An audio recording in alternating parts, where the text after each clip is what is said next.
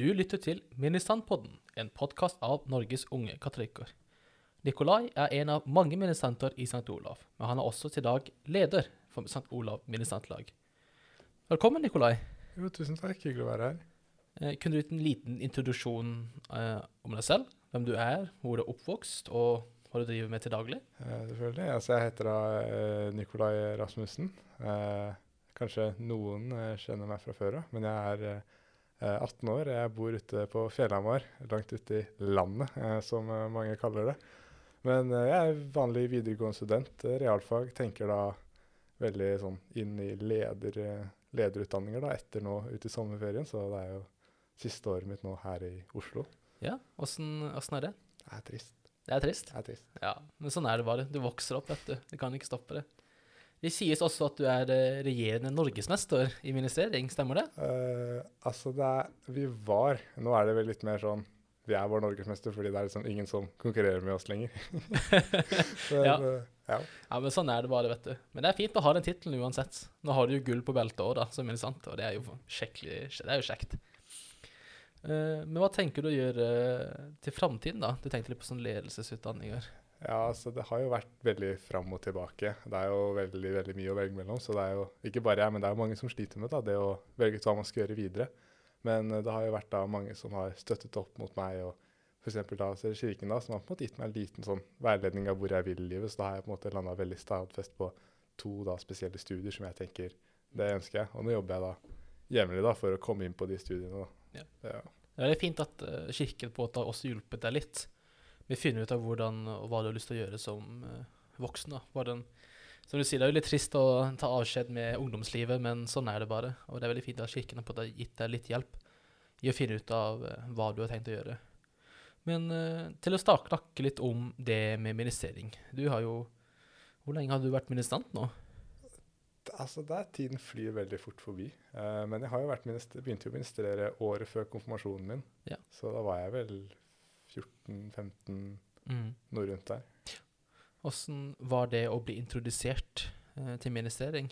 Nei, Det, altså, for meg så var jo det en veldig spesiell historie. fordi originalt så var jeg jo egentlig ikke katolsk. Jeg var veldig sånn ateistisk eh, type person. Men eh, jeg så jo da som liten så så jeg da originalt pengeverdi da, i det å konfirmere meg katolsk. Som kanskje er litt sånn uoriginalt syn, men Ja, eh, ja, ja. Som liten så var det for så vidt det jeg tenkte, så jeg går til faren min og sier at nei, vet jeg vil konfirmere meg katolsk. Ja, og selvfølgelig da ble han veldig stolt. Så vi dro til Patikiem, som var ungdomspresten i St. Olav. Mm. For det er den menigheten vi liksom dro til jevnlig, da. Og da sier han at uh, da jeg forteller at de andre har liksom gått ett år med katekese før jeg begynte, da. Så da sier han at eh, det er fint å begynne å ministrere, slik at du får innblikk da i troen. Og jeg skal være helt ærlig, det var veldig nervøst. fordi på den tiden så var det ikke noe sånn eh, ministrantundervisning eller ministrantveiledning. Det var møte opp i messen, og så får du alt der. Ja. Og for meg så var det på en måte, det var veldig stressende, og jeg var veldig nervøs. Jeg kjente ingen. Men eh, så sånn, åpner jeg døra, og så kommer det som alle tar imot meg. Regina liksom bare ah, ny ministrant, wow. så det var liksom, For meg så var det veldig spesielt. og i begynnelsen kanskje så tenkte jeg ikke så mye på egentlig viktigheten i å være ministrant, på en måte hva det betydde. Jeg var veldig sånn Det er bedre enn å være i kirken. Ja. Men særlig litt etterkant så på en måte innså jeg at jeg ble veldig godt tatt imot i dette fellesskapet som liksom ministrantlaget var. Og jeg følte liksom jeg er veldig en del av hva det vil være å være en del av kirken. Mm. Og det førte på en måte til at jeg fikk et veldig mye dypere forhold til troen. Så da på en måte begynte jeg sakte, men sikkert da mot konfirmasjon å bli enda mer sånn Oi, katolisismen er faktisk noe jeg ønsker, dette er noe jeg har lyst til å være en del av. Og da førte det til at jeg jevnlig hver eneste søndag begynte å ministrere. da. Så det for meg så var jo det å begynne å investere var jo en livsendring. Jeg ble på en måte et nytt menneske, Ja. hvis man kan si det sånn. Det er en veldig fin måte som du skriver det på, på at ministering er også på en veiviser på at en døråpner til troen. Hvordan man praktiserer troen, og hvordan man utøver troen, og hvordan man forstår troen. Eh, Så veldig fint at, som du sier, at du, for- det forandrer deg som menneske. Det er sånn skikkelig wow. Skikkelig sånn wow-opplevelse, det her, altså. Men eh, du har kommet inn på det litt, men tror du det å å vært ministrant har gitt deg nye erfaringer? Nye eh, life skills som du kunne fått bruk for i senere i voksenlivet? Eh, Det har det jo definitivt. Ikke bare ting jeg kan bruke senere, men ting jeg også har fått brukt for nå og tidligere også. Altså, er, det å være ministrant er at du får et veldig dypt innblikk da, i det som på en måte er kirken. Du får et veldig dypt innblikk i hva alle ting er, hvorfor ting er. Og det er også som jeg personlig merker veldig godt på skolen, at det har hjulpet meg f.eks. religion har hjulpet meg ekstremt der. Jeg har jo fått veldig gode tilbakemeldinger sånt, fordi jeg bruker kunnskap jeg har fått fra å være ministrant, på en måte sammenligne det med andre synspunkter og sånt. Men samtidig så har det på en måte også gitt meg en litt mer struktur da, i hverdagen min, fordi jeg vet at hver eneste søndag står opp tidlig, drar til kirken, ministrerer, og så på en måte vet jeg at jeg gleder meg hver eneste helg da, til å dra til kirken og på en måte se alle folk igjen. Fordi For meg da, som på en måte ikke bor i Oslo, så er det ikke sånn gå og banke på André som er ved døra ved siden av. Jeg må liksom reise inn til Oslo, og særlig nå under koronatider så var jo det veldig vanskelig. Så kirken og ministering har jo på en måte, det har på en måte vært veldig spesielt da, for meg på en måte å kunne møte andre folk og andre som på en måte har samme tro som meg. da. For det er ikke akkurat så mange katolikker i området der jeg bor. da. Mm, ikke sant? Så det er veldig tett ministrantmiljø i St. Olav, som du kjenner deg selv godt i og har ønska veldig ønsker deg selv, ønsker, deg, Du føler deg veldig velkommen i, som sagt. Og det er jo veldig fint. Så tror du andre folk, andre barn i menigheten hadde hatt nytte av å bli ministranter? Eller ikke nå, da, med tanke på korona og nedstenging og alt det der, men senere når det kan åpnes opp, og når man har muligheten til det, tenker du dette noe barn bør bli med på?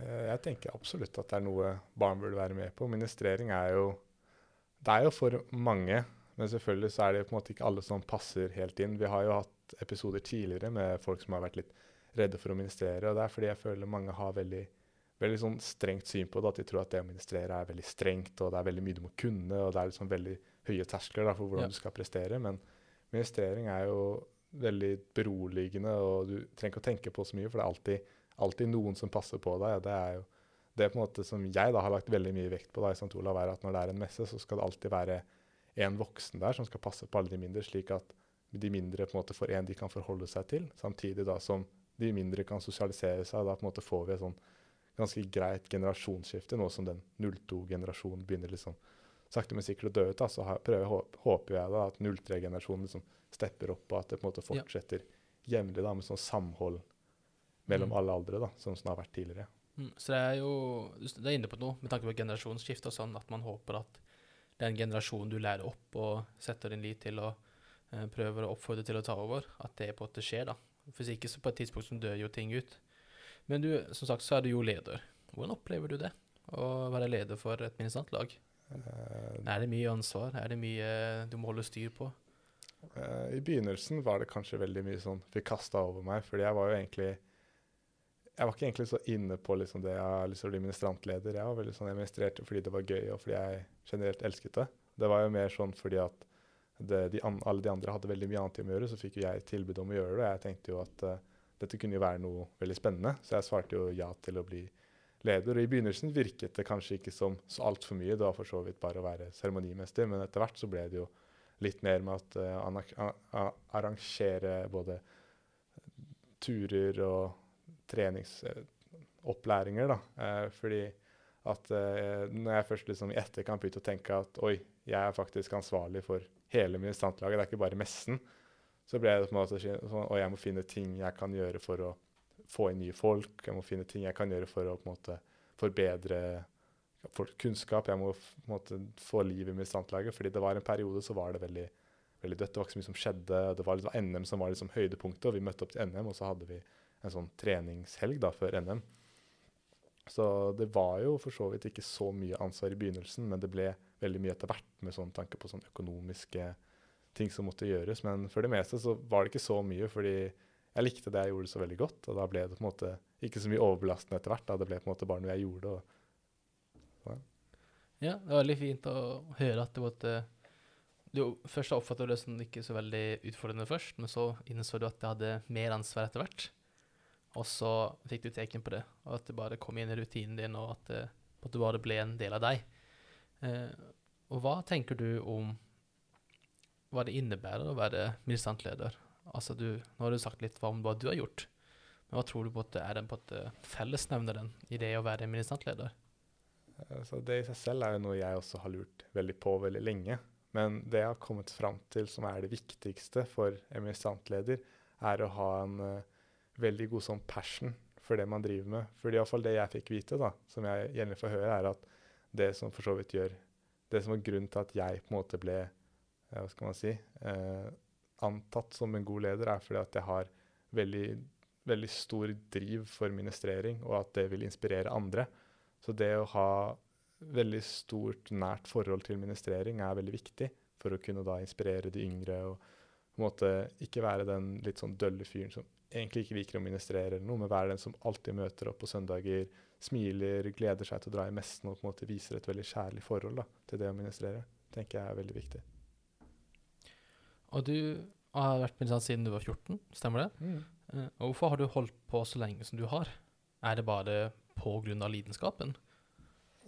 Det har vært litt variert. Eh, I begynnelsen var det jo for så vidt fordi vi fikk kirkekaffe og sånne ting. Det var liksom veldig sånn Ja. for kake og sånne ting. Men etter hvert så ble det mye mer for samholdet, fordi alle, ministra alle ministrantene i St. Olav er jo kjempehyggelige folk, og jeg elsket for så vidt å være der, selv om jeg ikke er den mest snakksomme personen. Men bare det på en måte å være der og møte nye folk og snakke med andre var jo for meg veldig fantastisk, da.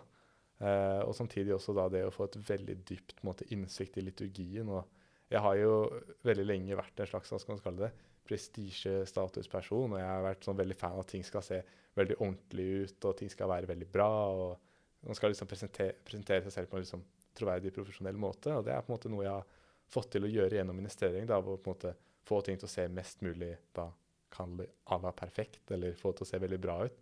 Og det for meg har på en måte vært veldig fint. da, Det har på en måte vært et sted jeg kan bare være meg selv og liksom drive med det jeg liker. da. Og det har for så vidt, Etter hvert så ble det bare noe jeg gjorde. Det var, jeg tenkte egentlig ikke over det at ministranting er, ministran, ministrering er noe jeg har på en måte valgt selv. Det bare ble en del av meg. da.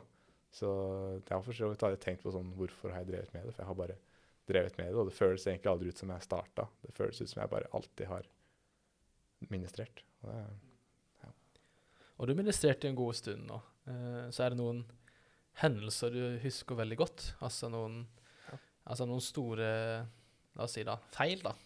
Ikke feil nødvendigvis, men noen tabber du har gjort. altså, jeg kan allerede føle her at det er litt eh, innvikling mot noen spesielle hendelser, men ja, det er det jo. Mm. Uh, altså, det er kanskje det største feilen jeg noen gang har gjort, og det var jo under mitt første NM. Ja. Jeg skjønte med en gang at du skjønte hva jeg mente der. Ja, men, eh, 2015. Det var jo da eh, egentlig ganske nytt. Jeg hadde jo nettopp da vært ferdig med konfirmasjonen min. Jeg hadde nettopp liksom begynt å ta røkelsen liksom for ordentlig, og det var liksom, for meg så var det helt fantastisk. Og jeg var sånn, eh, Rett før NM så var jeg sånn Jeg vil ta røkelsen. Mm. Og de var sånn OK, greit, da. Eh, og så var det da lørdagen, så skulle vi ha denne velkomstmessen, da, som hvor St. Olav da, siden det er i St. Olav det holdes, skal på en måte holde denne velkomstmessen før da fjorårets vinnerlag går i denne prosesjonen. da. Ja. Eh, og jeg trodde det var to lesninger. Eh, så jeg satt der, og de begynte med lesninger og begynte med halleluja. Jeg skjønte ingenting. Så eh, da plutselig så så alle på meg. og bare 'Hvor er røkelsen?' Jeg bare 'Å, ski'. Måtte, jeg løpe ut, hente røkelsen, og det var skikkelig flaut. Og da tenkte jeg sånn Alle tenker sånn 'Ah, shit, hvem er den karen? Han kan ingenting'. Og, Ja. Nei, altså dette er sånn der eh, Ikke sånn der Ja, jeg deler den der eh, Det er jo at det bare er én lesning, og at det er røkelse i messen. er Sånn der, eh, for vanligvis er queuet gjerne ved når annen lesning begynner. Så går ministanten ut. Det er fordi det alltid er to Det er som oftest to lesninger på høymessene på søndagen. Og derfor tar man gjerne queuet på eh, annen lesning. Men eh, når det ikke er det, så skjer jo denne situasjonen som Nikolai beskriver. At eh, det blir et øyeblikk med klein stillhet fordi røkelsen løper ut og henter uh, røkelseskaret. Men dette er sånne, et er sånne typiske ting man lærer etter hvert. eh, og dette er bare en liten feil. Altså Min feil var jo at jeg, at jeg mistet kalken på bakken. Det er jo litt verre enn vil jeg tro, enn at du ikke har timet røkelsen riktig. Så Men det viser bare at vi alle er mennesker, og at det at dere som har tenkt å begynne å ministrere, det er lov til å gjøre feil. Det er ikke liksom Du er ikke en robot, du er ikke en maskin. Du må ikke gjøre alt til punkt og prikke. Du gjør så godt du kan, og det er greit for oss. Det er alt vi, alt vi spør av dere. Men eh, tabber til side, har du, har du et spesifikt gøy minne av det å ministrere? Mitt kanskje favorittminne sånn så langt eh, Eller jeg har jo mange favorittminner, det er ikke det. Men jeg tror kanskje det største, mest liksom følsomme øyeblikket jeg noen gang har hatt når jeg ministrerte, det var under min, eh, eh, under min første liksom, påskefeiringsmesse. Eh, første påskedag. Ja. Det er under eh, utgang der, hvor de synger 'Deg være ære'. Da falt jeg ned i tårer, for det var så vakkert. Fordi når man er ministrant og på en måte står i kirkerommet, så står man veldig spesielt plassert sånn veldig Mm. sentralt. Så hvis orgelet i St. Olav liksom står bak, og all musikken liksom rett ned mot deg, og det, det er en helt annen opplevelse liksom, når du står der. Du er kanskje du er litt sliten, det har vært en lang messe, det har vært en Mm. generell lang uke. Så er det, det var veldig spesielt for meg, men selvfølgelig det er jo mange andre ting som på en måte har vært veldig sånn viktige, eller som har vært veldig fantastiske for meg. Som første gang jeg fikk røkelsen, og liksom, det er mange sånne ting. Men jeg føler på en måte Det var det øyeblikket hvor jeg liksom innså sånn Oi, shit, jeg er så heldig som får lov til å være en del av dette her. Så det var et sånn veldig sånn fantastisk øyeblikk for meg, da. Det er jo noe som si at uh, når alt kulminerer på en måte, og det var jo på en måte det aller siste øyeblikket messe, hvor alt sliter og sånn, det var når du er ferdig med alt oppgaver, det eneste jeg tenkte å gjøre var å gå ut. Så det, at, eh, det, det var jo på et slags seiersøyeblikk eh, for både deg og Gud, det at han har stått opp igjen, ikke sant? Men også for når du har også gjort din del, og nå er du ferdig, og det er et veldig sterkt øyeblikk eh, du beskriver. Eh, Men tror du, det at, du det at det å ministere har gjort eh, at du har fått et nærmere bånd til Gud? Eh, Det tror jeg definitivt. Eh, altså, jeg tror kanskje svaret på det ser man i seg selv, at jeg var jo, var ikke troende før jeg begynte å ministrere. Eh, det er jo for så vidt det at, det at man på en måte tilbringer tid med andre som tror det samme som deg, så får man mye mer sånn, sånn Ja, shit, folka som er her, de er jo fantastiske mennesker. Og samtidig også, som når du blir på en måte veldig mye aktivt deltatt i messen, så får du på en måte et litt mer sånn nærmere forhold til tingene som skjer. Du sitter ikke bare i kirken og tenker OK, det skjer, nå er det lesning, jeg skal høre på lesning. Men du sitter og tenker OK, jeg skal forstå lesningen, jeg skal høre på lesningen, jeg skal vite hvorfor har vi kalk, hvorfor har vi vin. Og jeg får et mye mer sånn nærmere forhold til hva som skjer. Og samtidig da, så føler jeg på en måte også at jeg blir mye nærmere det som skjer i messen. Da. Det er ikke sånn avstand, da. Jeg føler på en måte at jeg deltar i messen, og da på en måte automatisk føler jeg på en måte at jeg har et veldig mye nærmere bånd med både Gud og Jesus. og Det er på en måte en veldig vakker ting da, at man hele tiden kan føle det. Spesielt da, særlig hvis man har en på en måte vanskelig tid, det er mye som skjer, så kan jeg på en måte vite at uh, Gud på en måte alltid er der. Og det er på en måte noe jeg på en måte har i meg. Liksom, hver gang jeg ministrerer, så tenker jeg for så vidt ikke nå er jeg nervøs. Jeg tenker det går fint, fordi Gud passer på meg. Og hvis jeg, hvis jeg liksom er unervøs, vet jeg at Gud kommer inn og redder meg siste øyeblikk. Det, liksom, det går fint. Gud har deg. Gud har deg. ja. Eh, og hva tror du Hvis vi skal snakke om på at eh, Nå skal du Mest sannsynlig skal du ut og studere, og jeg tenker mest sannsynlig skal du ut av Oslo. Eh, og hva tenker du din etterfølger eventuelt bør ha Hvilke en- egenskaper den bør ha da, som leder? Hva burde man tenke over, hva burde man på et beherske, hva burde man eh, ha oppmerksomheten sin på?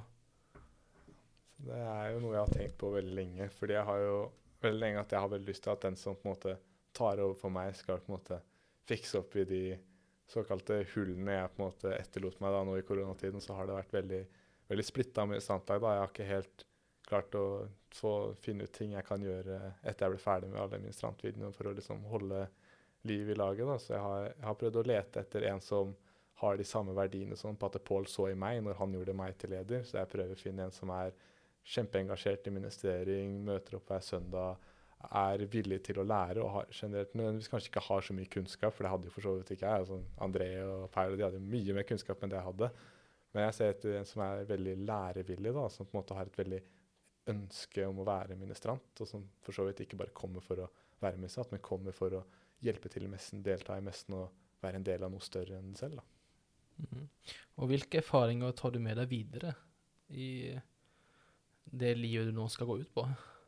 Erfaringen jeg tar med meg videre, blir jo blir for så vidt en god del verdt. Men jeg har jo lært både mye mer og har mye mer toleranse. Og jeg har blitt en mye mer rolig og behersket person.